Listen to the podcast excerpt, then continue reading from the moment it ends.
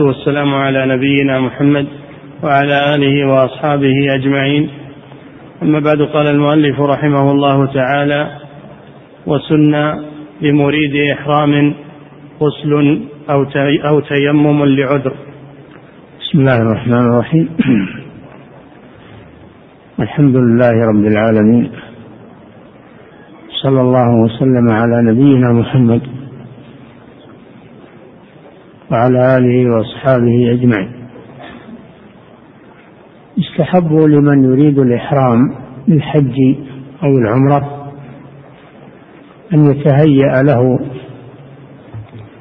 قبل الدخول فيه بأن يفعل سننا يتهيأ بها للدخول في النسك. أولها الاغتسال. أولها الاغتسال بجميع البدن. من أجل أن يزيل ما عليه من غبار وروائح وأوساخ التي تلحقه في سفره. فإذا أراد أن يحرم فإنه يغتسل بجميع بدنه كما فعل النبي صلى الله عليه وسلم. وذلك من أجل استقبال الإحرام على أحسن هيئة. ولأجل أن يحرم وهو على طهارة. فالاغتسال قبل الإحرام مع الوضوء يحصل به فائدتان. الأولى التنظف من الأوساخ. والثانية ليحرم وهو على طهارة. فإذا لم يجد ماء في الميقات فإنه يتيمم. من أجل أن يحرم على طهارة. تيمم لأن الله جعل التيمم بديلا عن الماء عند فقده أو العجز عن استعماله.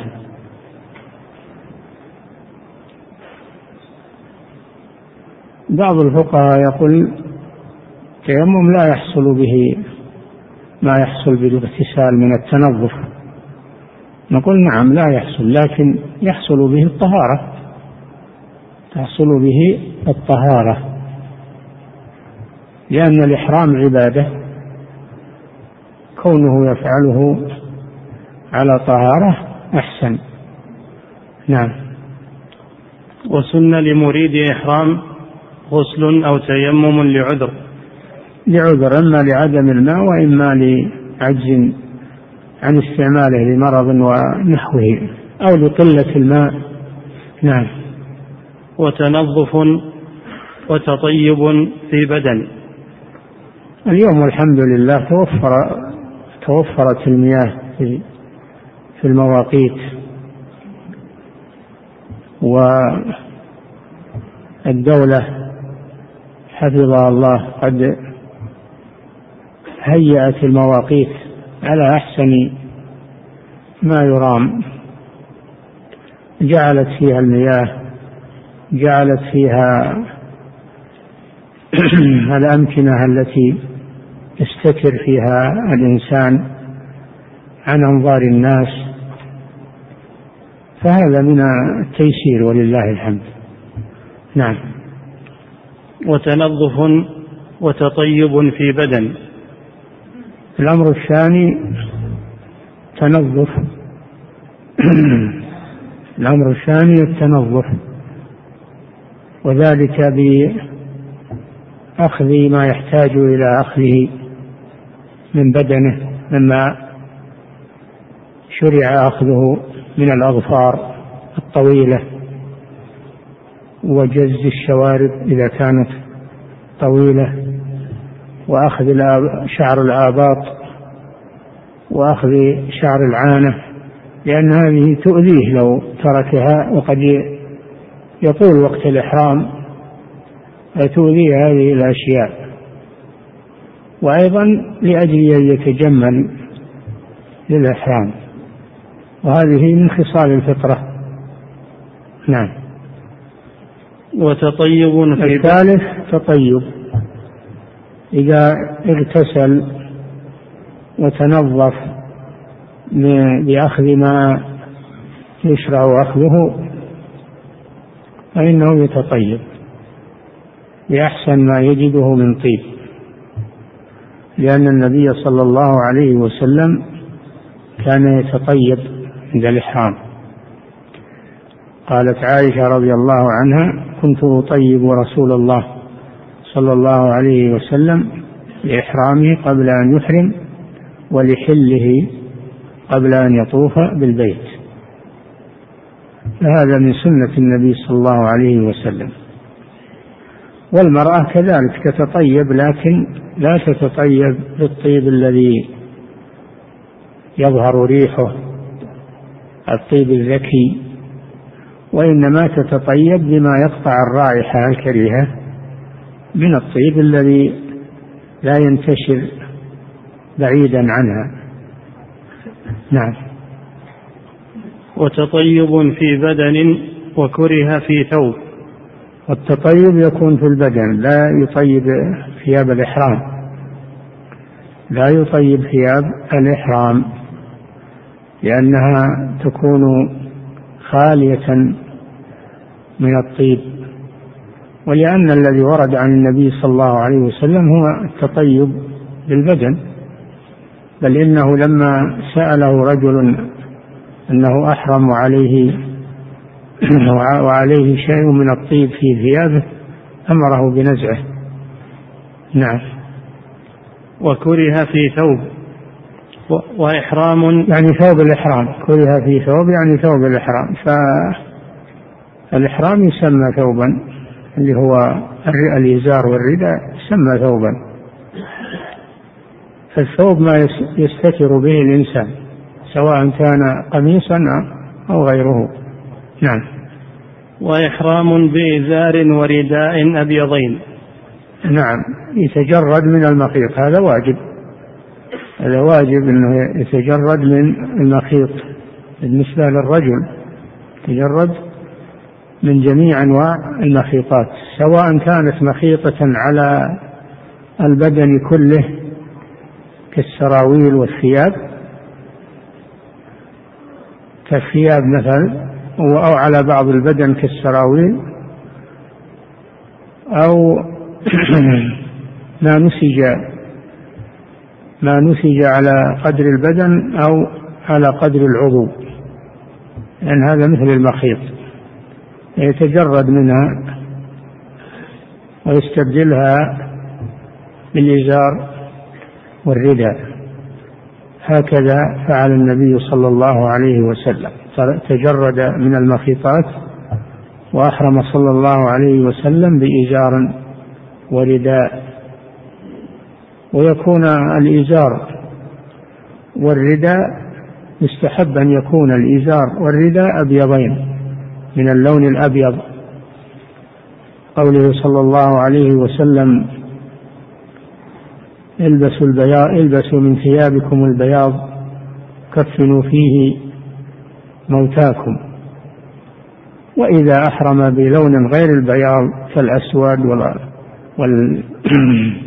كالأسود. كالأسود والأصفر والأخضر فلا بأس بذلك نعم.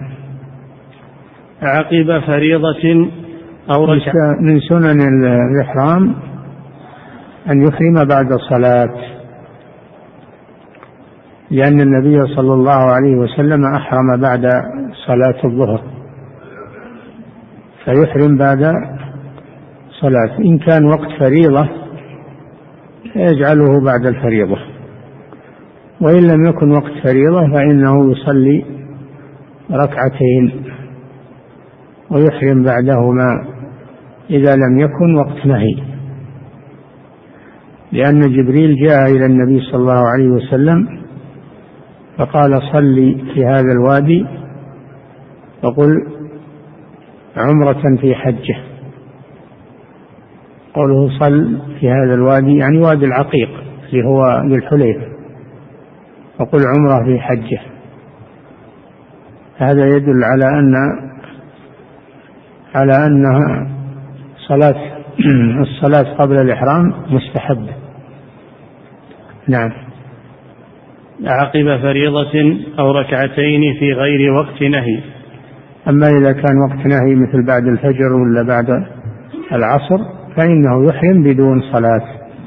لنهيه صلى الله عليه وسلم عن الصلاة في هذين الوقتين أو عند أو عند استواء الشمس فوق الرؤوس فإنه لا يصلي لأن هذا وقت نهي. ويحرم بدون صلاة. نعم. ونيته شرط. نعم. ونية الإحرام شرط. فلو لبس الإزار والرداء بدون نية لم يكن محرما. وإنما يحصل الإحرام بالنية. إذا نوى الدخول في الإحرام صار محرما قوله صلى الله عليه وسلم إنما الأعمال بالنيات وإنما لكل امرئ ما نوى. نعم. والاشتراط فيه سنة. الاشتراط قال الأصحاب أنه سنة مطلقة يعني كل من يريد يحرم فإنه يشترط لأنه ربما يحتاج المستقبل إلى الشرط كأن يصيبه مرض أو حادث أو فإذا كان اشترط فله ما شرط على ربه. فإذا حصل له عارض لا يستطيع معه المضي فإنه يتحلل ولا شيء عليه إذا كان مشترطا. بأن يقول فإن حبسني حابس فمحلي حيث حبستني. لأن ضباعة بنت الزبير بنت عم النبي صلى الله عليه وسلم سألت النبي صلى الله عليه وسلم فقالت إني أريد الإحرام وأجدني شاكية يعني مريضة. فقال لها صلى الله عليه وسلم اشترطي على ربك. قولي فإن حبسني حابس فمحلي حيث حبستني فإن لك على ربك ما استثنيت. هذا هو سبب الاشتراط. المرض الذي يخشى صاحبه أن لا يتمكن من إكمال النسك. وهذا لا شك أنه مشروع. لكن إذا كان سليما معافى ليس فيه بأس فالصحيح أنه لا يشترط. لأن الصحابة الذين مع النبي صلى الله عليه وسلم لم يشترطوا. ولا أمرهم النبي صلى الله عليه وسلم بذلك وإنما أمر به هذه المريضة.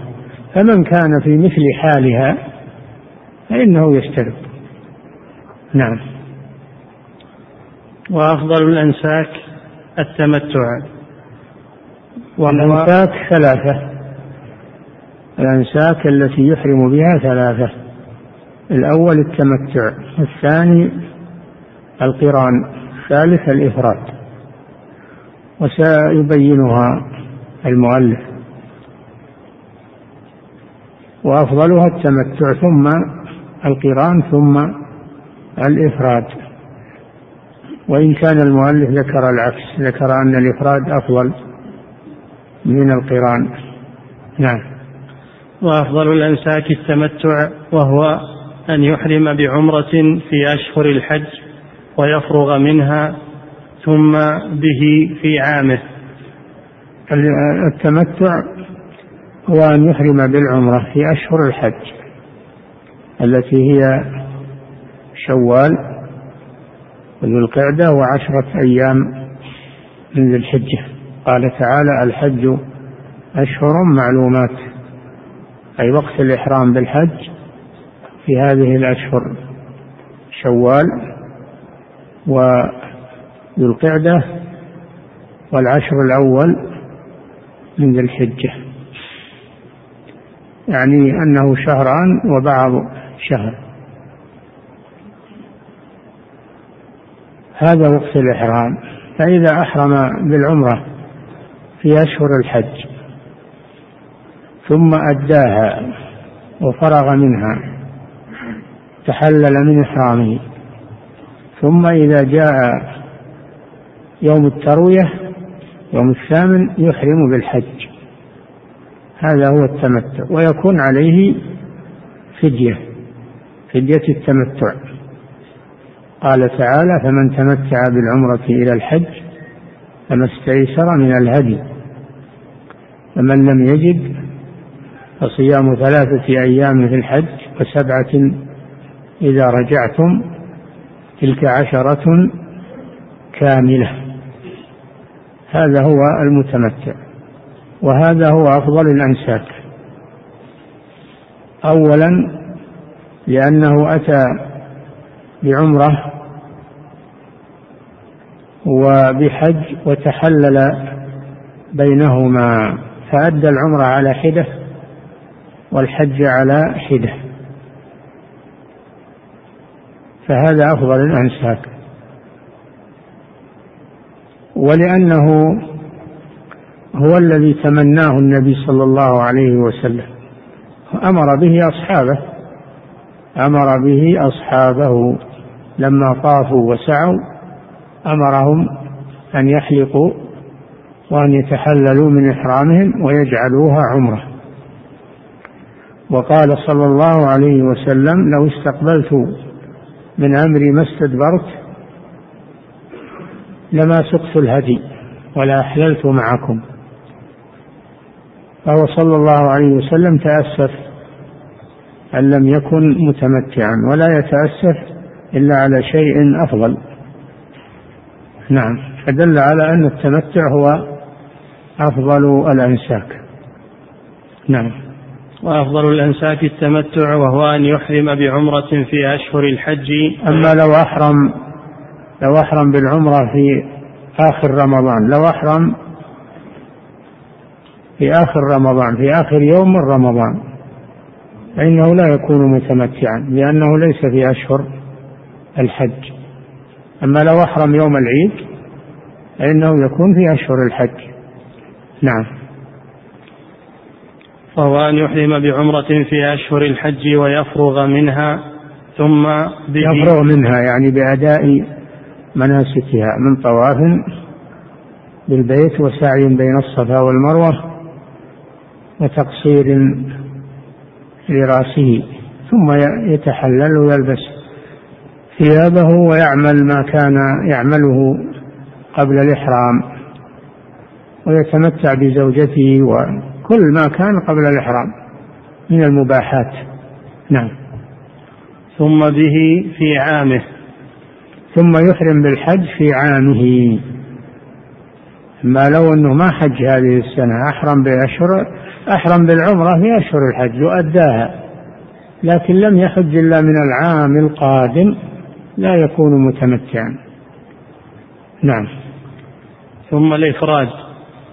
وهو ثاني من الأنساك الإفراد وهو أن يحرم بالحج فقط ويبقى على إحرامه إلى أن يؤدي المناسك يوم العيد.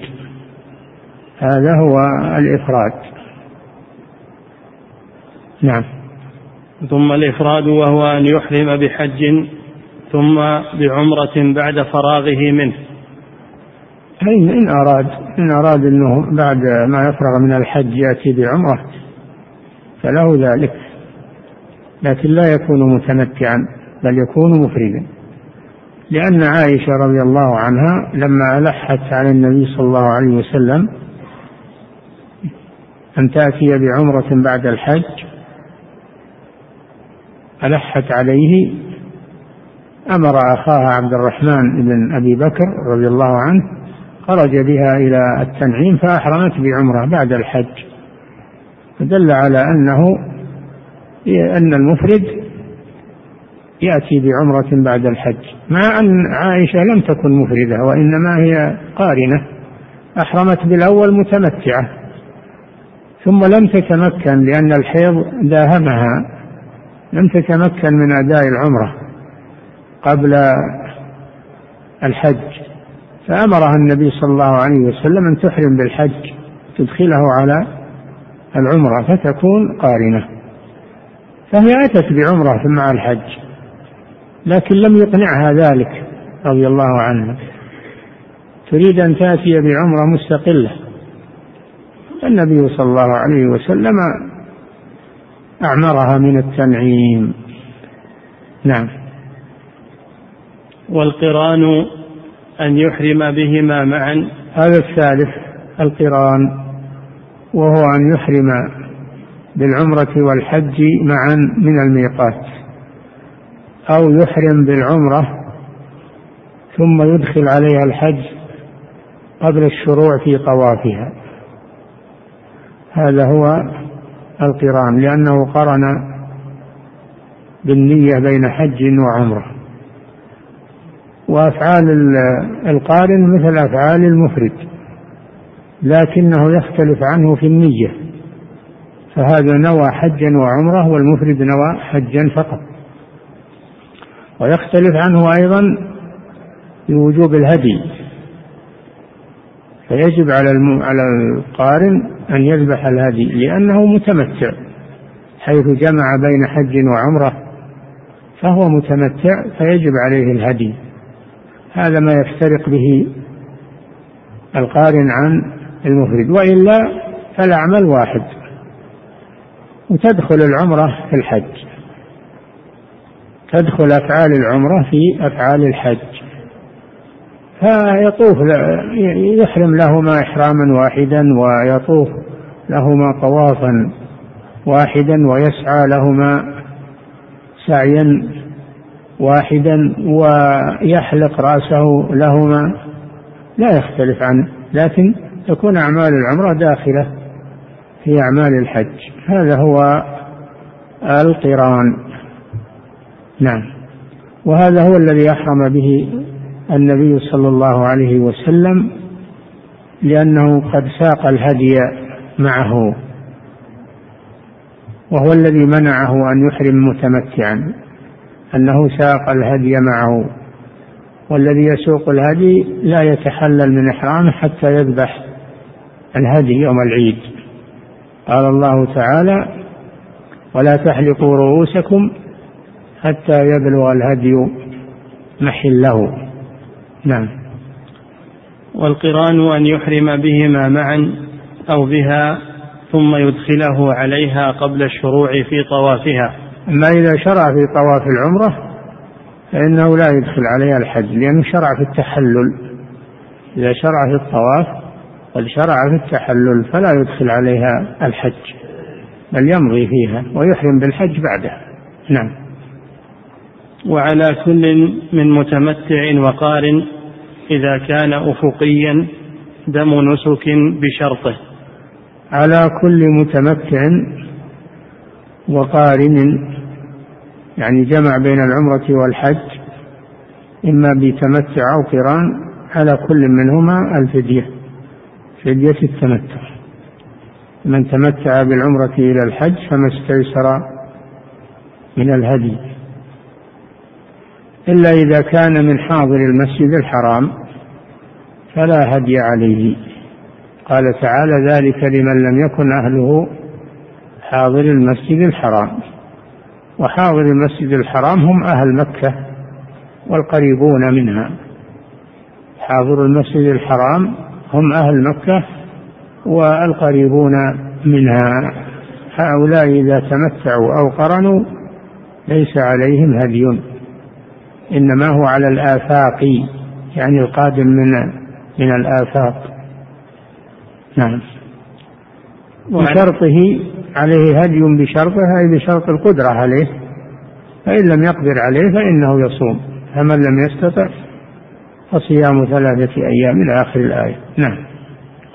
وعلى كل من متمتع وقارن إذا كان أفقيا دم نسك بشرطه وإن حاضت متمتعة فخشيت فوات الحج.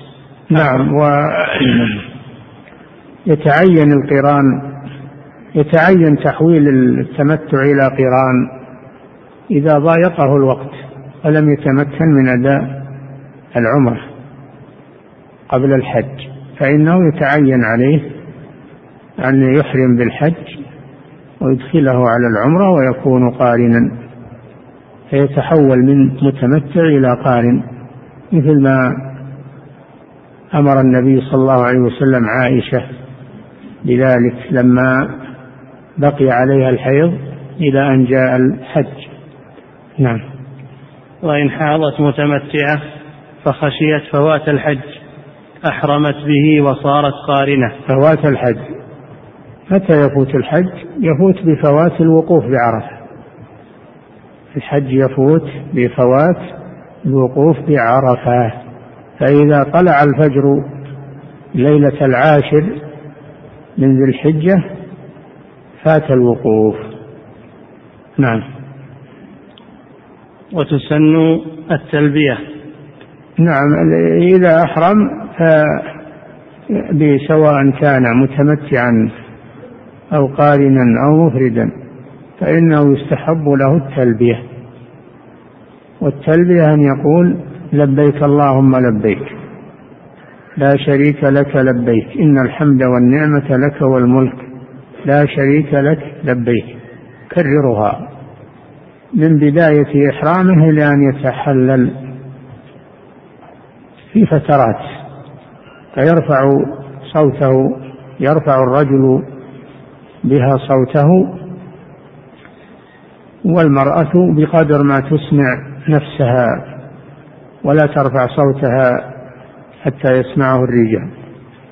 هذه هي التلبية ومعناها لبيك اللهم لبيك أي إجابة لدعوتك. إجابة لدعوتك. التلبية معناها الإجابة. وذلك لأن الله أمر خليله إبراهيم عليه الصلاة والسلام أن يؤذن بالناس في الحج. فكل من حج إلى أن تقوم الساعة فإنه ملب لأذان إبراهيم عليه السلام بأمر الله عز وجل. فهو يقول لبيك أي إجابة لندائك على لسان خليلك. إجابة بعد إجابة. وقيل معنى لبيك ألب بالمكان يعني أقام. أي أنا مقيم على طاعتك. أنا مقيم على طاعتك. نعم. وهذا معنى التلبية. ولاحظوا قوله صلى الله عليه وسلم في التلبية لا شريك لك. لأنه يخلص حجه وعمرته لله عز وجل. فلا يكون فيها شرك ولا يكون فيها رياء أو سمعة ولا يكن فيها بدع ومحدثات.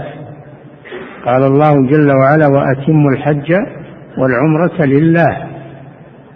وقوله لله يعني مخلصين لله عز وجل بهما. فلا يحج طمعا في دنيا أو رياء وسمعة وإنما يحج لله عز وجل ابتغاء مرضاته. وكذلك يكون على وفق سنة رسول الله صلى الله عليه وسلم. يكون على وفق لقوله صلى الله عليه وسلم خذوا عني مناسككم. فيشترط في الحج كغيره من الأعمال شرطان الإخلاص لله والمتابعة. للرسول صلى الله عليه وسلم فلا يكون فيهما شرك ولا يكون فيهما بدعة ومخالفة لسنة الرسول صلى الله عليه وسلم. وفي هذا مخالفة لأهل الجاهلية فإنهم كانوا يقولون في تلبيتهم لبيك لا شريك لك إلا شريكا هو لك تملكه وما ملك. يريدون بذلك من يعبدونهم من دون الله. ويقولون هؤلاء شفعاؤنا عند الله. فهم يقولون إنما نعبدهم عبادك. هم لك. ولكن جعلناهم وسائط بيننا وبينك. الله أبطل هذا. فلبى النبي صلى الله عليه وسلم بالتوحيد الخالص. الذي يبطل قول المشركين إلا شريكا هو لك. الله ليس له شريك مطلقا ليس له شريك جل وعلا. ولهذا قال الله جل وعلا ضرب لكم مثلا من أنفسكم هل لكم مما ملكت أيمانكم من شركاء فيما رزقناكم؟ فأنتم فيه سواء تخافونهم كخيفتكم أنفسكم. كذلك نفصل الآيات. لقوم يعقلون بل اتبع الذين ظلموا أهواءهم بغير علم فمن يهدي من أضل الله وما لهم من ناصرين. فأهل الجاهلية ومن شابههم من المنتسبين للإسلام اليوم يعبدون الأولياء والصالحين ويقولون هؤلاء عباد الله وهم صالحون ونحن نتوسط بهم إلى الله عز وجل. فهذا هو السر في قوله في قوله صلى الله عليه وسلم لبيك لا شريك لك. نعم. رد على المشركين. ولأجل أن ولأجل أن يستشعر المحرم الإخلاص والتوحيد من أول دخوله في النسك. يذكر نفسه بذلك ويعاهد الله عز وجل في بداية إحرامه ألا يشرك به شيئا كما يفعله المشركون. اليوم كثير من الحجاج هداهم الله وردهم إلى الصواب هم على طريقة المشركين الأولين نهمتهم في القبور والتبرك بها والاستغاثة بها ونداء أصحابها ويذهبون إلى المقابر وإلى فتسمع منهم العجب. من رفع الصوت بالشرك والبدع والمحدثات. هذا عود إلى أمر الجاهلية ولا حول ولا قوة إلا بالله. فعلى طلبة العلم والعلماء أن ينبهوا على هذا الأمر الخطير. نعم. وتسن التلبية وتتأكد إذا علا نشزا أو هبط واديا. تسن التلبية في بداية الإحرام حينما يشرع في الإحرام يلبي. لأن النبي صلى الله عليه وسلم أهل بالتلبية من حين سلم من الصلاة. ولبى صلى الله عليه وسلم لما ركب الراحلة وعلى البيداء. وكان يلبي صلى الله عليه وسلم إذا علا مرتفعا. أو هبط واديا إنه يلبي. فيلبي في فترات أو أقبل الليل أو أقبل النهار يلبي. نعم. وتتأكد إذا على نشزا أو هبط واديا على نشزا مرتفع. النشز هو المرتفع. هو المرتفع من من الأرض. نعم. أو هبط واديا أو صلى مكتوبة. أو صلى مكتوبة كذلك من مواضع التلبية للمحرم بعد صلاة الفريضة كما كان النبي صلى الله عليه وسلم يلبي بعدها. نعم. أو أقبل ليل أو نهار. في أول الليل وفي أول النهار يلبي أيضا. نعم. أو التقت الرفاق. أو التقت الرفاق يعني الحجاج آه، لحق بعضهم لحق بعضهم ببعض. فيلبون عند ذلك. نعم. أو ركب أو نزل. أو ركب سيارته أو الطائرة أو أو الدابة أو نزل من مركوبه. كذلك يلبي. نعم. أو سمع ملبيا. وإذا سمع الملبين يلبي مثلهم. أو رأى البيت. وكذلك إذا دخل المسجد الحرام ورأى البيت يلبي أيضا. نعم. أو فعل محظورا ناسيا. وكذلك إذا فعل محظورا بأن غطى رأسه ناسيا أو تطيب ناسيا فإنه يلبي ليذكر نفسه أنه محرم. نعم. وكره إحرام قبل ميقات. الإحرام عند الميقات. النبي صلى الله عليه وسلم حدد المواقيت كما يأتي. حددها للإحرام. فيحرم منها المسلم يحرم من الموضع الذي حدده الرسول صلى الله عليه وسلم. فلو أحرم لا تصور يا لا تصور. فإن كان معك آلة تصوير ما أدري هو معه آلة تصوير ولا ما.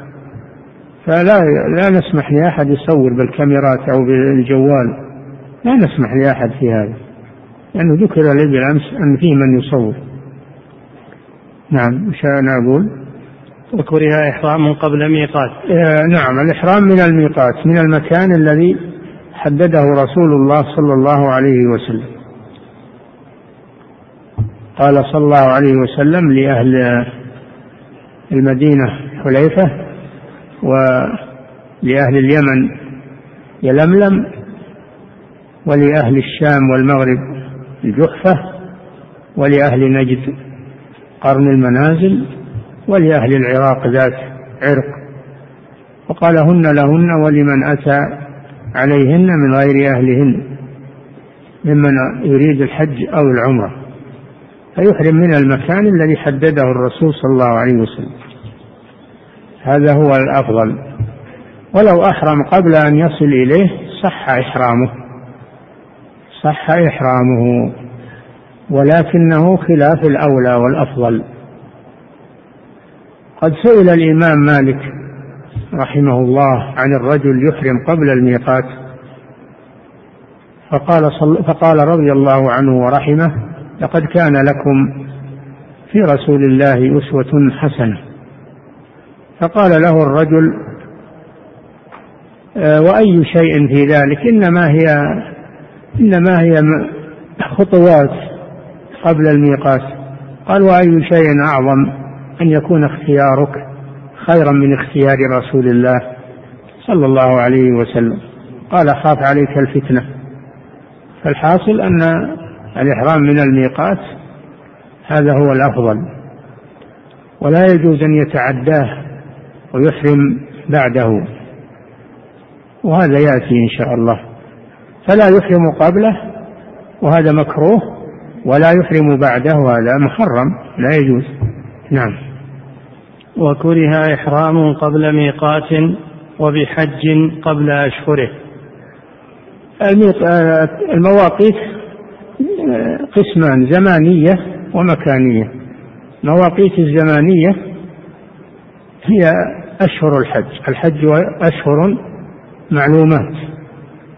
فلا يحرم قبلها.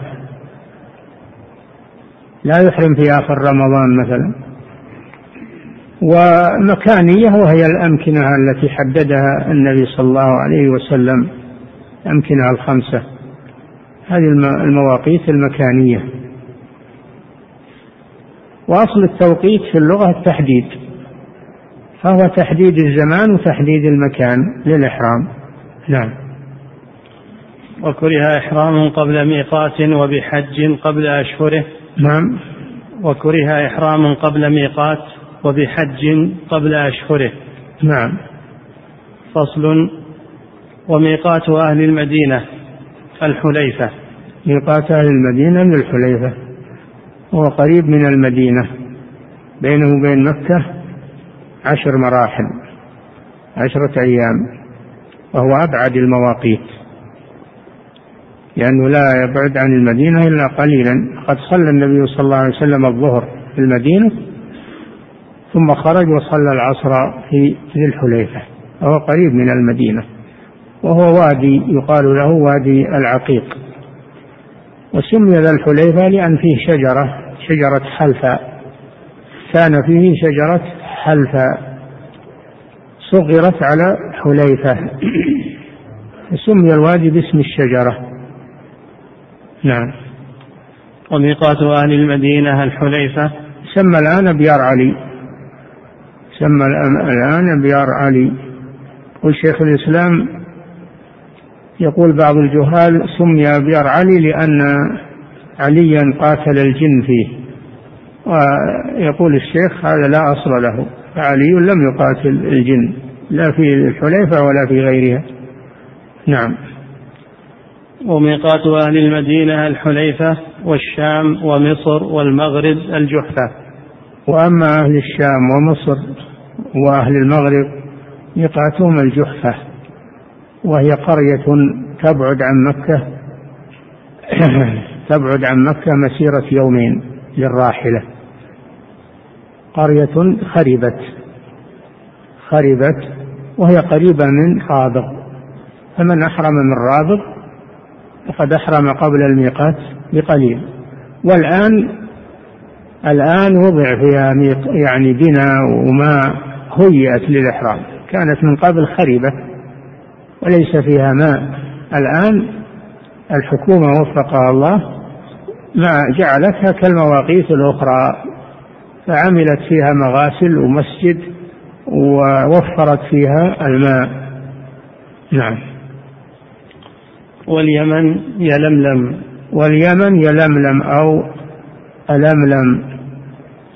وهو مكان أيضا يبعد عن مكة من جهة الجنوب.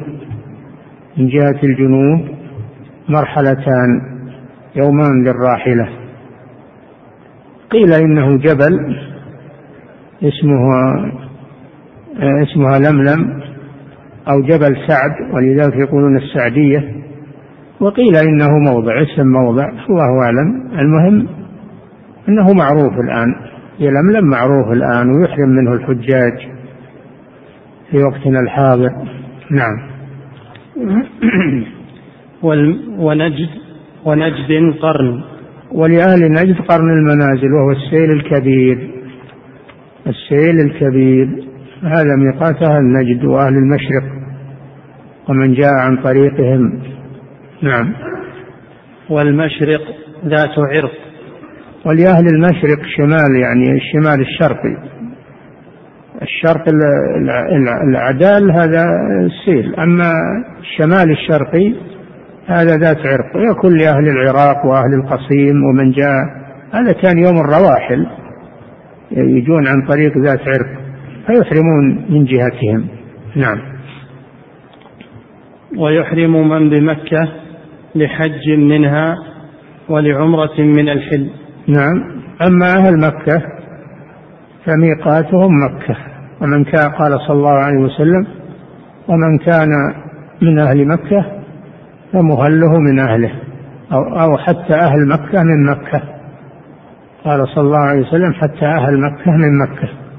ويحرمون من مكة من منازلهم بالحج. أما العمرة فلا بد أن يخرجوا إلى الحل. إما إما آه، التنعيم وهو أقرب الحل أو من الجعرانة أو من عرفة خارج الحرم. يخرجون يحرمون خارج الأميال. هذا بالعمرة. فلا يصح أن يحرم من بمكة أن يحرم بالعمرة من مكة. إنما هذا في الحج خاص. نعم. ويحرم من بمكة لحج منها ولعمرة من الحل. من الحل وهو ما هو خارج الحرم خارج الأميال الموضوعة الآن علامات الحرم من جميع الجهات. نعم. وأشهر الحج شوال وذو القعدة. من جهة الغرب حد الحرم الشميسي اللي يسمى الشميسي وهو, وهو الحديبية. نعم. وأشهر الحج شوال وذو القعدة وعشر من ذي الحجة. نعم. شهران وعشرة أيام. سمي أشهرا بالجمع من أجل التغليب من باب التغليب وإلا فهو شهران وعشرة أيام. نعم. ومحظورات الإحرام تسعة. نعم المحظورات أي المحرمات على المحرم هي كانت حلال له قبل أن يحرم ولذلك قال محظورات الإحرام أي التي تحرم بسبب الإحرام. أما المحرمات في الشرع هذه حرام دائما وأبدا ما هي على المحرم فقط لكن قصده المحرمات التي كانت مباحة قبل أن يحرم كما يأتي وهي تسعة بالاستقراء. نعم. ومحظورات الإحرام تسعة إزالة شعر. إزالة الشعر لقوله تعالى ولا تحلقوا رؤوسكم حتى يبلغ الهدي محله. ولأن كعب بن عجرة رضي الله عنه لما آلمه القمل في رأسه وهو محرم أمره النبي صلى الله عليه وسلم بالفدية أن يحلق رأسه ويهدي لقوله تعالى فمن كان به فمن كان مريضا أو به أذى من رأسه ففدية من صيام أو صدقة أو نسك مخيرة. صيام ثلاثة أيام والنسك ذبح شاة والصدقة إطعام ستة مساكين كما بين ذلك النبي صلى الله عليه وسلم في الحديث الصحيح لكعب بن عجرة لأنه سبب آه، التشريع وسبب نزول الآية وهي عامة للمسلمين إلى أن تقوم الساعة. فدل على أنه لا يجوز للمحرم أن يحلق رأسه إلا في حالة العذر الذي لا يزول إلا بالحلق فيحلق ويفدي نعم. وتقليم أظفار. كذلك مما يحرم على المحرم تقليم الأظفار. هذا مقيس على حلق الشعر لأنه بجامع الترفه لأنه نوع من الترفه فهو يحرم على المحرم لأجل الإحرام مثل الشعر مثل حلق الشعر. نعم. وتغطية رأس ذكر. وتغطية رأس الذكر. ما دام محرما فيكون رأسه مكشوفا إلى أن يحل من إحرامه لأنه لما سقط رجل محرم وهو واقف بعرفة مع النبي صلى الله عليه وسلم ومات قال صلى الله عليه وسلم كفنوه في ثوبيه يعني في ثياب الإحرام ولا تمسوه طيبا ولا تخمروا رأسه يعني لا تغطوا رأسه. فإنه يبعث يوم القيامة ملبيا. قوله لا تخمروا رأسه. هذا دليل على أن المحرم لا يغطي رأسه. ولأن النبي صلى الله عليه وسلم كان يكشف رأسه طيلة الإحرام. لا بأس أنه يحمل على رأسه إذا احتاج إلى حمل شيء الحاجة. لا بأس أن يستظل تحت ظل الخيمة. لأن النبي صلى الله عليه وسلم استظل تحت القبة التي ضربت له بنمرة. ولا بأس أن يركب السيارة المسقوفة. كل هذا لا بأس به. لا بأس أن يستظل بالشمسية. إنما الممنوع أن يغطي رأسه بملاصق. لاحظوا بملاصق لرأسه. أما المرتفع عن رأسه فلا مانع منه. والنبي صلى الله عليه وسلم ظلل عليه وهو يرمي الجمرة وهو محرم. نعم. ولبسه المخيط. نعم. خلصنا من تغطية الرأس. كذلك لبس المخيط للذكر. لا يلبس المخيطات. لا الثياب ولا السراويل ولا الشراب ولا القفازات على اليدين ولا الفنايل ما يلبس أي مخيط أو منسوج للبدن أو لبعض الأعضاء حتى يحل من إحرامه. ويحرم بنعلين فإذا لم يجد نعلين يحرم بالخفين. يحرم بالخفين. نعم. ولبسه المخيط إلا سراويل لعدم إزار. إذا أحرموا ما عنده إزار ولا عنده أيضا رداء مثلا أراد أنه يحرم هو ما ما استعد من الأول لكن قال أبحرم ولا عنده مثل هو بطيارة الآن ولا محل أو بر ما معه ما معه ثياب إحرام. يخلع المخيطات كلها ويبقي السراويل. يبقي السراويل وهي مخيطة. السراويل ما هو تراه جمع تراه إفراد. السراويل اسم للمفرد. فيبقيه. لابسا له ليستر به عورته إلى أن يجد إلى أن يجد الإزار والرداء ثم يخلع السراويل. قال صلى الله عليه وسلم ومن لم يجد إزارا فليلبس السراويل. ويجعل على على على أعلى جسده يلفه بثوب لف ما يلبس لبس لا بأس إنه يلف آه ظهره وصدره وكتفيه بالثوب يطرحه عليه.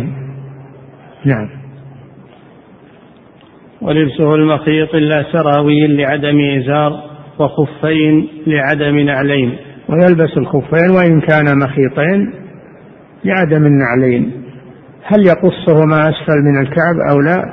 محل خلاف تارة أمر النبي صلى الله عليه وسلم بقصهما فقال وليقطعهما أسفل من الكعبين؟ وتارة قال ومن لم يجد نعلين فليلبس الخفين ولم يأمر بقطعهما. فقيل إن قوله وليلبس الخفين ولم يأمر بقطعهما يكون ناسخا يكون ناسخا لقوله وليقطعهما أسفل من الكعبين لأنه قال وليقطعهما أسفل الكعبين هذا في المدينة قاله في المدينة. وأما قوله فليلبس الخفين ولم يذكر القطع هذا في مكة فيكون ناسخا وهذا أصح والله أعلم. نعم. لأن قطع الخفين يفسدهما فيه اتلاف مال فلا يقطعهما. نعم. والطيب. نعم ويتجنب الطيب لأن النبي صلى الله عليه وسلم كان يتطيب قبل الإحرام وبعد التحلل وفي أثناء ما هو محرم لا يتطيب. وقال لا يلبس ثوبا مسه ورس أو زعفران.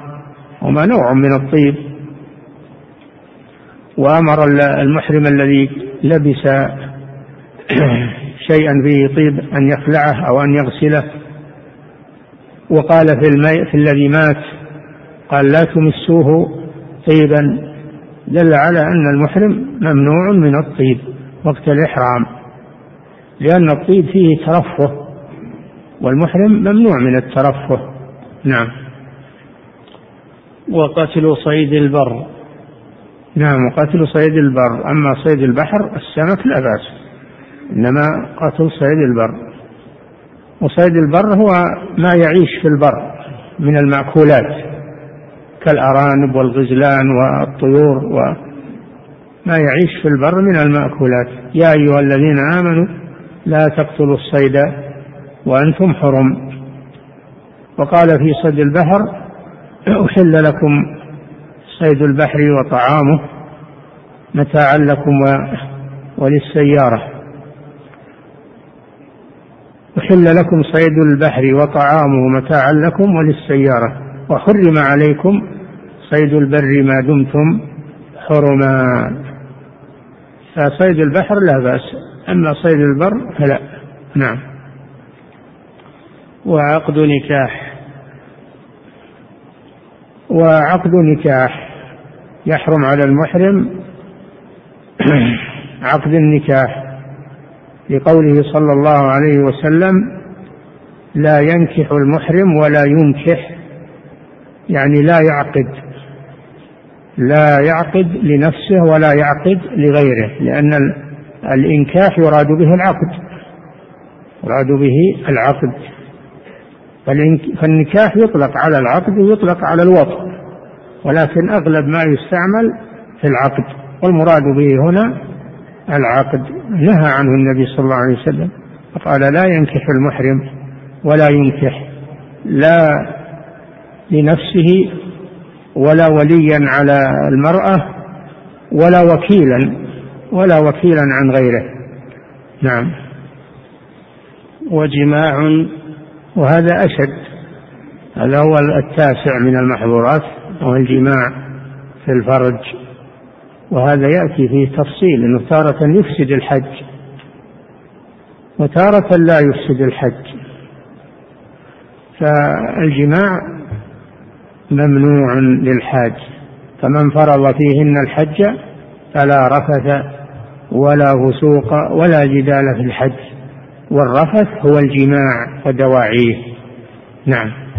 من النظر والكلام. نعم. ومباشرة فيما دون فرج. وكذلك من توابع الجماع المباشرة مباشرة زوجته بدون حائل فهذا حرام لأن هذا نوع من من نوع من المتعة والشهوة وداخل في الرفث. نعم. ففي أقل نعم. وجماع ومباشرة فيما دون فرج. أما المباشرة بالفرج هذه جماع.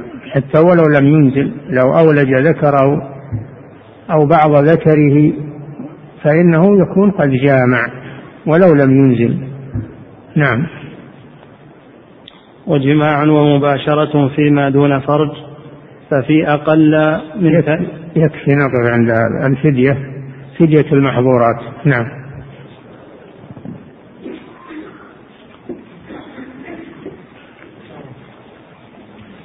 يقول فضيلة الشيخ وفقكم الله هل على المرأة إن كانت حيضتها قريبة؟ نعم. هل على المرأة إن كانت حيضتها قريبة وقد دخلت في النسك أن تشترط؟ لا الاشتراط عند عند عقد الإحرام. ما يكون الاشتراط بعد الإحرام. نعم. يقول فضيلة الشيخ وفقكم الله إذا اشترط السليم المعافى في الإحرام ثم حصل له مانع فهل له أن يحل ولا شيء عليه؟ نعم. إذا شرط فله شرطه له أن يحل ولا شيء عليه. نعم. يقول فضيلة الشيخ وفقكم الله ما ضابط المانع الذي يحل معه. فمثلا اشترط فلما رأى زحاما شديدا كليلة سبع وعشرين في رمضان فهل له أن يحل حينئذ؟ هذا ما هو مانع. ينتظر ليلة ثمان وعشرين أو في الصباح. لما يخف. ما هو مانع هذا. الزحام يزول أو في آخر الليل. نعم. يقول فضيلة الشيخ وفقكم الله التطيب في الثوب. هل النهي عنه للكراهة أو للتحريم؟ تحريم. النهي عنه للتحريم. نعم. ولا تمسوه طيبا. نعم. يقول فضيلة الشيخ وفقكم الله شرب القهوة التي فيها زعفران هل في ذلك حرج على المحرم؟ نعم نعم. لا يشرب الزعفران لأنه نوع من الطيب. نعم. يقول فضيلة الشيخ وفقكم الله ما معنى قول الفقهاء ويعتبر أمن خفارة بالنسبة للحج. الخفارة الخوف الخوف اللي على الطريق يصير فيه حرامية يصير فيه قطاع طرق. هذه يعني الطريق ما هو مأمون أو عليه أيضا عليه ضرائب ما يمكنونه إلا يدفع ضريبة. نعم. يقول فضيلة الشيخ وفقكم الله أسئلة كثيرة تقول هناك من يخيط طرف الإزار فيجعله دائريا على جسمه مثل التنورة للنساء فهل هذا الفعل جائز؟ لا هذا ما هو جائز هذا مثل السراويل ومثل الثوب لا يجوز هذا الإزار يلف على أسفل البدن ويثبت يلف على أسفل البدن ويثبت بحزام وما أشبه ذلك. أما أنه يخاط ويصير على شكل على شكل الإزار المخيط هذا لا يجوز. ومن أفتى بهذا فقد أخطأ. نعم. يقول فضيلة الشيخ وفقكم الله وكلني شخص لأحج عنه. نعم. لكني مرضت مرضا شديدا لم أتمكن معه أداء طواف الوداع. وقد كنت مشترطا فهل علي شيء؟ عليك فدية عن طواف الوداع. عليك فدية عن طواف الوداع لأنه واجب من واجبات الحج. والمرض ليس عذرا يحمل على يحمل المريض والعاجز يحمل على عربة أو على الرؤوس ويطاف به. نعم.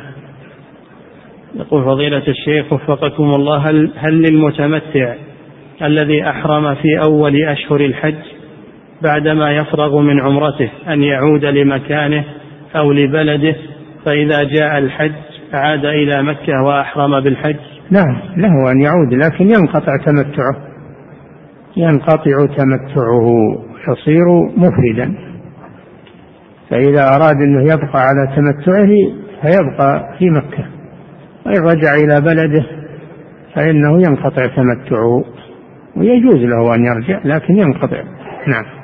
يقول فضيلة الشيخ وفقكم الله هل يشترط في التمتع أن يكون بين العمرة ونية الحج فترة زمنية أم يجزئ بعد الانتهاء من العمرة مباشرة أن يدخل في الحج؟ نعم يجزي. ما هو بلازم يكون بينهما فترة. لو أنه بعد ما خلص العمرة أحرم بالحج. حتى لو ثياب الإحرام عليه ما خلعها ونوى الحج يكون متمتعا. نعم. يقول فضيلة الشيخ وفقكم الله من أحرم بالعمرة من مكة وهو من أهل مكة وأكملها فما الذي عليه؟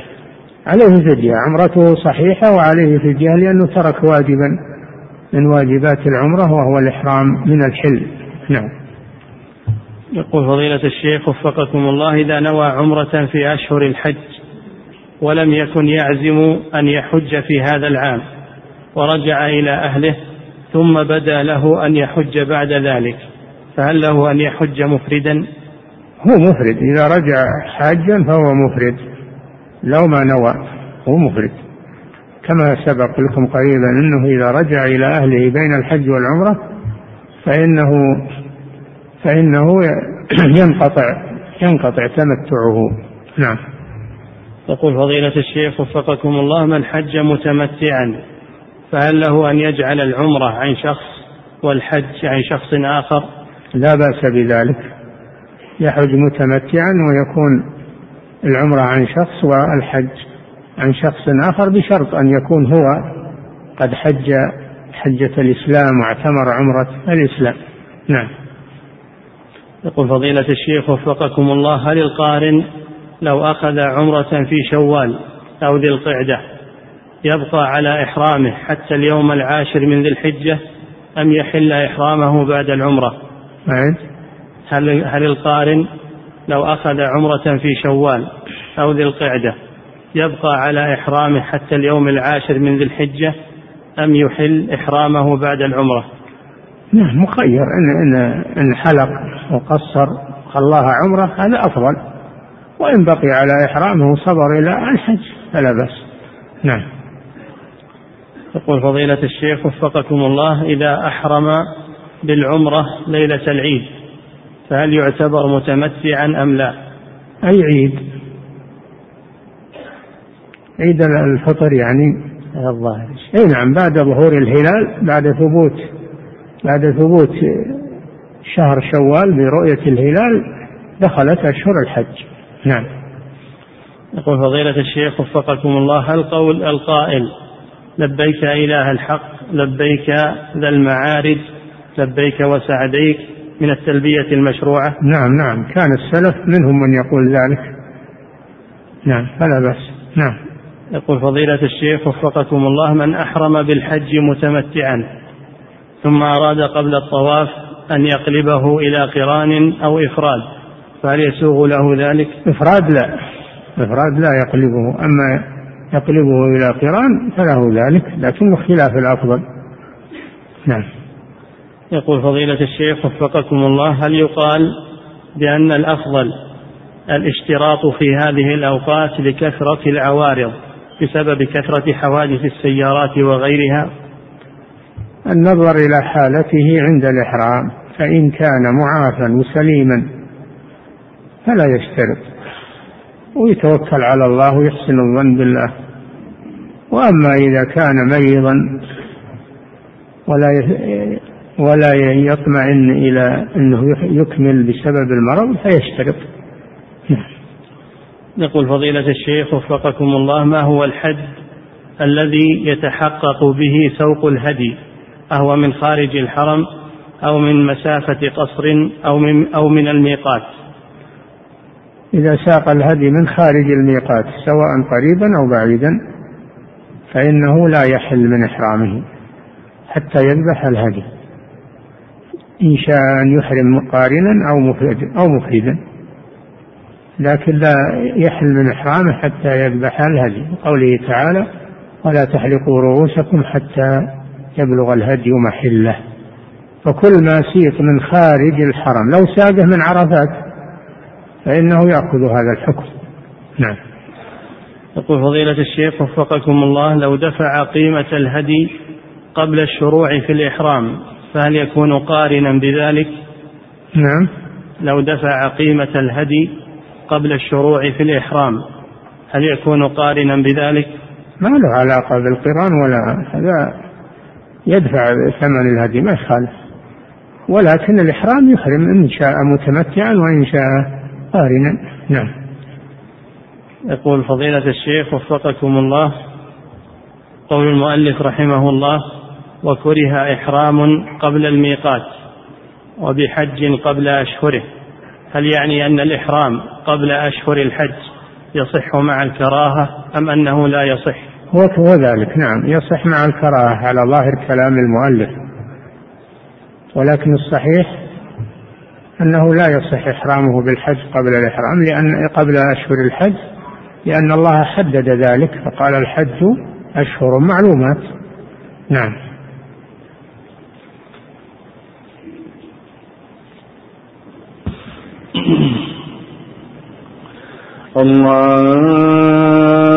الله أكبر الله أكبر الله أكبر الله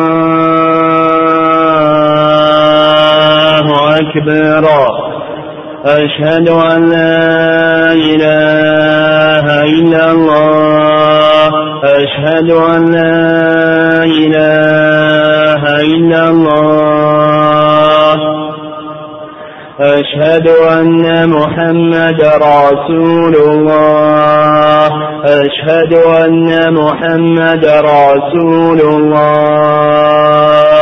حي على الصلاة. حي على الصلاة. حي على الفلاح. حي على الفلاح.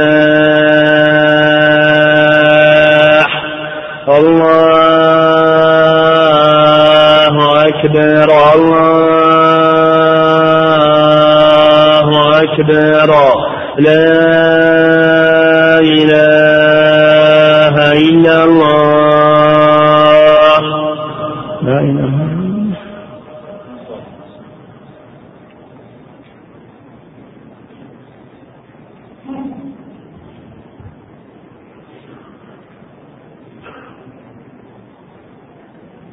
نعم يقول فضيلة الشيخ وفقكم الله من أحرم للحج ولبس الإحرام ثم طرأ طارئ فلبس ثوبه ونزع إحرامه ولا يذكر إذا كان لبس شيئا على رأسه أو لا فماذا عليه؟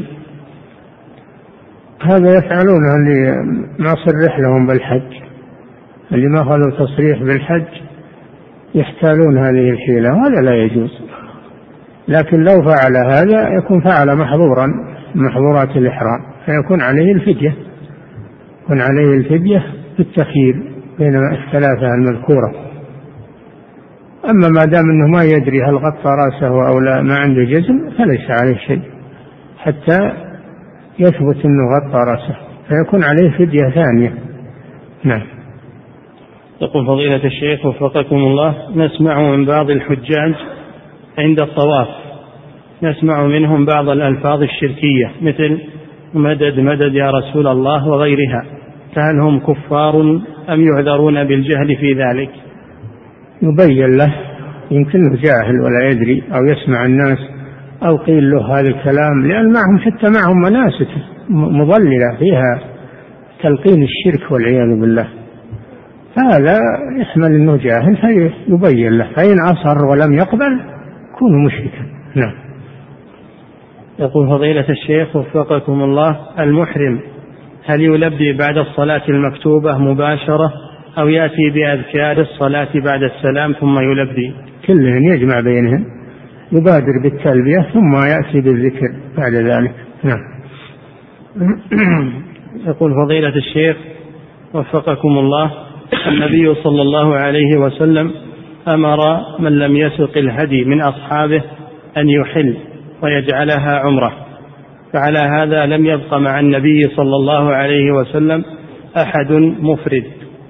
وإذا كان قد حج مع النبي أو قارن يعني. النبي قارن عليه الصلاة والسلام. هو نعم أمر من لم يسق الهدي أن يجعلها عمرة أن يتحلل من إحرامه ويجعلها عمرة. أما من ساق الهدي فإنه يبقى على إحرامه. وهم كثير اللي ساقوا الهدي مع الرسول كثيرون نعم. يقول فضيلة الشيخ وفقكم الله في حج العام الماضي ونحن بمزدلفة حصل علينا برد شديد والبعض منا معه فراش كبير مثل والبعض منا معه فراش كبير مثل الجراب يدخل فيه عند النوم ويبقي رأسه. فهل في هذا النوع من الفراش شيء؟ اي نعم لا ي... لا يدخل بالجراب لأن هذا اللبس هذا اللبس مخيط. يخليه مفتوح. لأن يعني فيه شو اسمه سحاب. إذا سحبه صار كأنه مخيط. فلا يدخل فيه. يستدفي فيه ما في بأس لكن لا لا يغلقه يجعله مفتوحا. نعم. يقول فضيلة الشيخ وفقكم الله إذا تمزق الرداء أو الإزار؟ إذا تمزق الرداء أو الإزار فهل يجوز خياطته؟ لا بأس خياطة الشق ووضع رقعة في فيه إذا كان فيه في خرق يرقع لا بأس إنما الممنوع الخياطة على قدر الملبوس على صفة الملبوس أما خياطة الإزار أو الرداء فلا بأس بذلك. نعم. يقول فضيلة الشيخ وفقكم الله ما حكم غسل اليدين بالصابون المعطر في الإحرام؟ تجنب هذا لأنه استعمال للطيب فيتجنبه يغسل يديه بصابون غير مطيب وهو كثير. نعم. يقول فضيلة الشيخ وفقكم الله المناديل المسماة بالمعطرة. لكن إنما تشم منها الرائحة وليس فيها شيء من الطيب. فهل فيها شيء؟ لو ما فيها شيء من الطيب ما شمت فيها رائحة فيتجنبها كل ما فيه طيب يتجنبه. نعم. يقول فضيلة الشيخ وفقكم الله ما الأفضل للحاج أن يكثر من التلبية أو من التكبير؟ من التلبية وإذا أتى بالتكبير فلا بأس. لكن التلبية هي الأصل. نعم. يقول فضيلة الشيخ وفقكم الله ما حكم من يشرب الدخان وهو محرم بالحج أو العمرة؟ فقد رأيت بعض الناس في عرفات يفعلون ذلك. الدخان حرام دائما في الحج وفي غيره لكن المعصية في أثناء العبادة أشد إثما منها خارج العبادة. والذي يدخن وهو محرم هذا يكون عاصيا وآثما أشد من الذي يدخن وهو ليس على إحرام. وإلا فالجميع آثمون لأنه محرم. نعم. لكن الإحرام لا يبطل الإحرام ينقص ثوابه. نعم. يقول فضيلة الشيخ وفقكم الله كتب فضيلتكم مقالا في من ينادي بالتيسير في الحج فقام بعضهم بتصويره وكتابة تعليق عليه بأن هذا مقال لفضيلتكم بالرد على فلان من الناس. فهل هذه الزيادة منكم وهل ترضون بها؟ نعم هو مقصود به الرد على فلان من الناس لكن لم نصرح باسمه لأن الغرض هو بيان الحق ولا ذكر الشخص. والناس يعرفون هذا ولا حاجة إلى أن يكتب اسم الشخص. ما حاجة إلى هذا. نعم. يقول فضيلة الشيخ وفقكم الله في هذه السنين يا سماحة الشيخ وخاصة في الحج الماضي والذي قبله. خرجت فتاوى عديدة مخالفة لما فعله الرسول صلى الله عليه وسلم ولما تعلمناه في الجامعات وفي المدارس وفي المعاهد. ولا ندري ما الذي حصل في هذا الزمن فما توجيه فضيلتكم في ذلك. مش مثل الفتاوى؟ ما, ما ذكر مثال. قد يكون هو استغربها وهي ما هي بغريبة ما ندري. لكن على كل حال المفتي يتقي الله ولا يفتي إلا بما يدل عليه الدليل من كتاب الله ومن سنة رسول الله صلى الله عليه وسلم لأنه مسؤول لأنه سيسأل أمام الله يوم القيامة. أي بس فتوى وراحت لا هذه مسؤولية. فعلى المفتي أن يتقي الله ولا يفتي إلا بما يقوم عليه الدليل من كتاب الله وسنة رسوله لا بما قاله فلان أو قاله فلان. يقول هذا من باب التوسعة على الناس. التوسعة تكون بالأدلة. ما هي بأقوال الرجال؟ تكون بالأدلة. الله جل وعلا قال وما جعل عليكم في الدين من حرج. في الدين يعني الدين الذي شرعه ما في حرج. أما أنه يقال أن أقوال الناس أنه توسعه وأنه تيسير؟ لا. ما هو صحيح نعم فضيلة الشيخ وفقكم الله هذا سائل من دولة بولندا يقول أنا شاب وأعيش في بلاد الكفر وما جعل عليكم في الدين من حرج. ما قال وما جعل عليكم في أقوال الناس من حرج؟ في الدين. ما دام داخل الدين فليس فيه حرج. والفتاوى التي عليها دليل هذه من الدين. أما الفتاوى التي ليس عليها دليل فهذه ليست من الدين.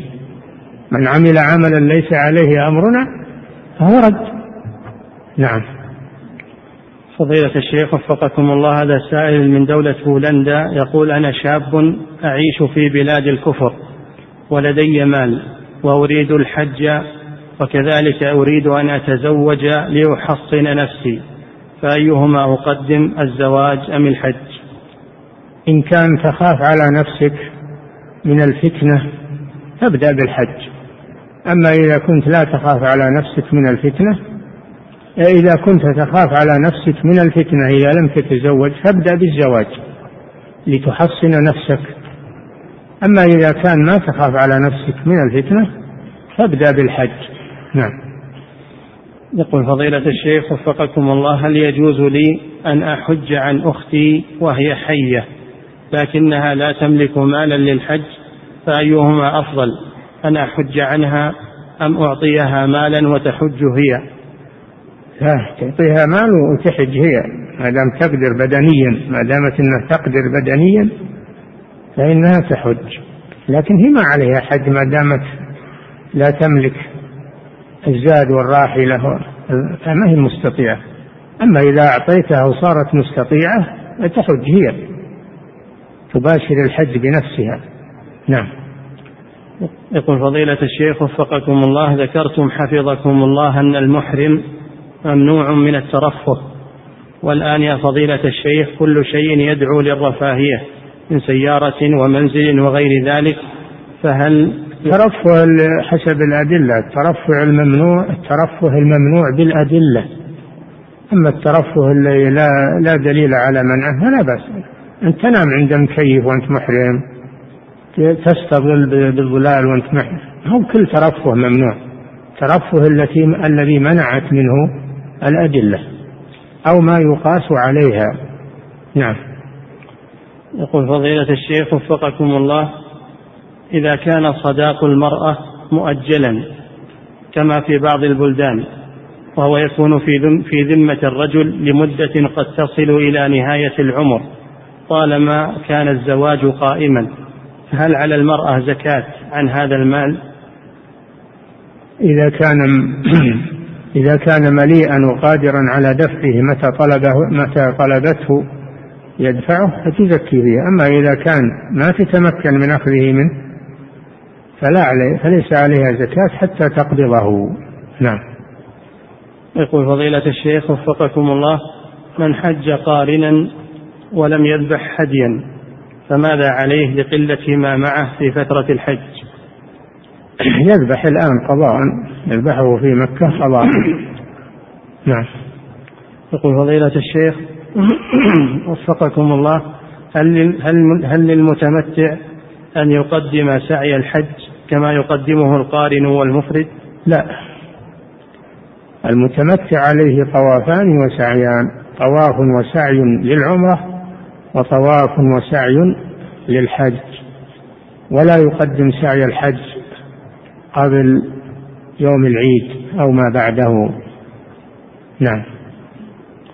يقول فضيلة الشيخ وفقكم الله هل هناك فرق بين الهدي والفدي؟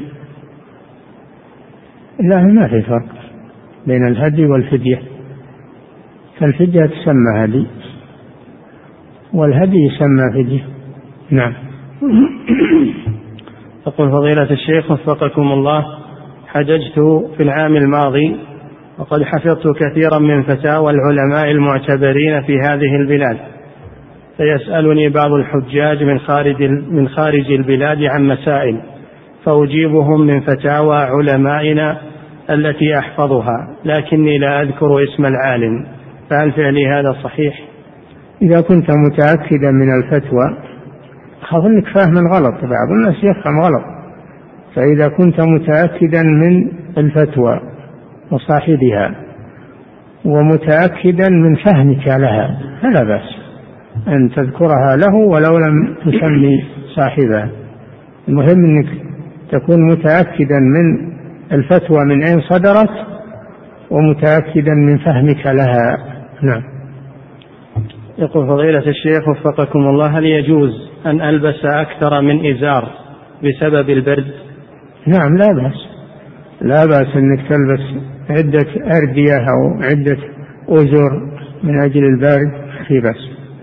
نعم بس ما تلبس مخيط أو ما هو على شكل المخيط.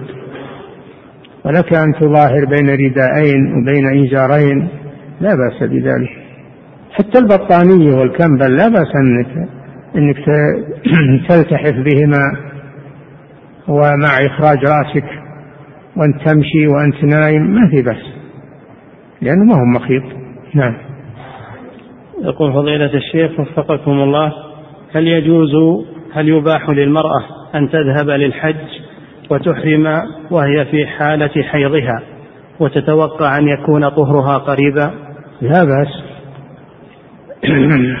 أسماء بنت عميس رضي الله عنها ولدت في الميقات في ذي الحليفة وأمرها النبي صلى الله عليه وسلم أن تحرم وهي نفساء. لا بأس وكذلك لو جاءت الميقات وهي حائض تحرم وهي حائض لا بأس. ويغلط بعض الناس يقول الحائض ما تحرم. ويحرمونها من العمرة وأحيانا من الحج بالجهل سبب الجهل. تحرم لكن ما تؤدي النسك إلا بعد الطهارة. نعم. يقول فضيلة الشيخ وفقكم الله من أتى بعمرة في أشهر الحج ثم سافر إلى المدينة النبوية ناويا الرجوع للحج فهل تمتعه صحيح؟ إذا لم يكن من أهل المدينة فلا بأس تمتع باقي نعم يقول فضيلة الشيخ وفقكم الله هل يشترط أن تكون عمرة الإسلام قبل حجة الإسلام؟ لا ما يشترط المهم أن عليه حج وعمرة بأيهما بدأ لا بأس. نعم. يقول فضيلة الشيخ وفقكم الله ما صحة القول أن ذي الحجة جميعه أن ذي الحجة جميعه من أشهر الحج؟ لأن من أعمال الحج ما تفعل بعد عشر ذي الحجة. ما صحيح. ما بعد ما بعد ما بعد أيام الحج. ما بعد أيام الحج اللي الثالث عشر هذا ليس من الحج. نعم. وإن كانت تفعل فيه بعض أعمال الحج كالطواف يعني يطاف له في آخر الشهر ما يخالف لكن ليس من أشهر الحج. لأن الطواف ما آخره ما له حد محدود. حتى لو طاف في محرم أو في صور ما في مانع. نعم. يقول فضيلة الشيخ وفقكم الله هناك رجل وامرأته أحرما للعمرة وعند وصولهما مكة حاضت المرأة نعم. هناك رجل وامرأته أحرما للعمرة وعند وصولهما لمكة حاضت المرأة فقضى الرجل عمرته والمرأة لم تعتمر وهما جاهلين وهما جاهلان ولهما الآن أكثر من سنة فهل عليهم شيء علما بأن المرأة قد اشترطت؟ هذا يحتاج إلى تفصيل هل حصل جماع ولا ما حصل جماع؟ فيه يعني تفاصيل فلا بد أنه يأتي للإفتاء إن شاء الله ويكون ينظر في موضوعه. أو يكتب سؤاله ويرسله على عنوانه ويجيه الجواب إن شاء الله لأنه يحتاج إلى تفصيل. ويوضح السؤال أيضا وش اللي حصل. لازم يوضح وش اللي حصل. نعم بالضبط. نعم. الله تعالى أعلم وصلى الله وسلم على نبينا محمد وعلى آله الله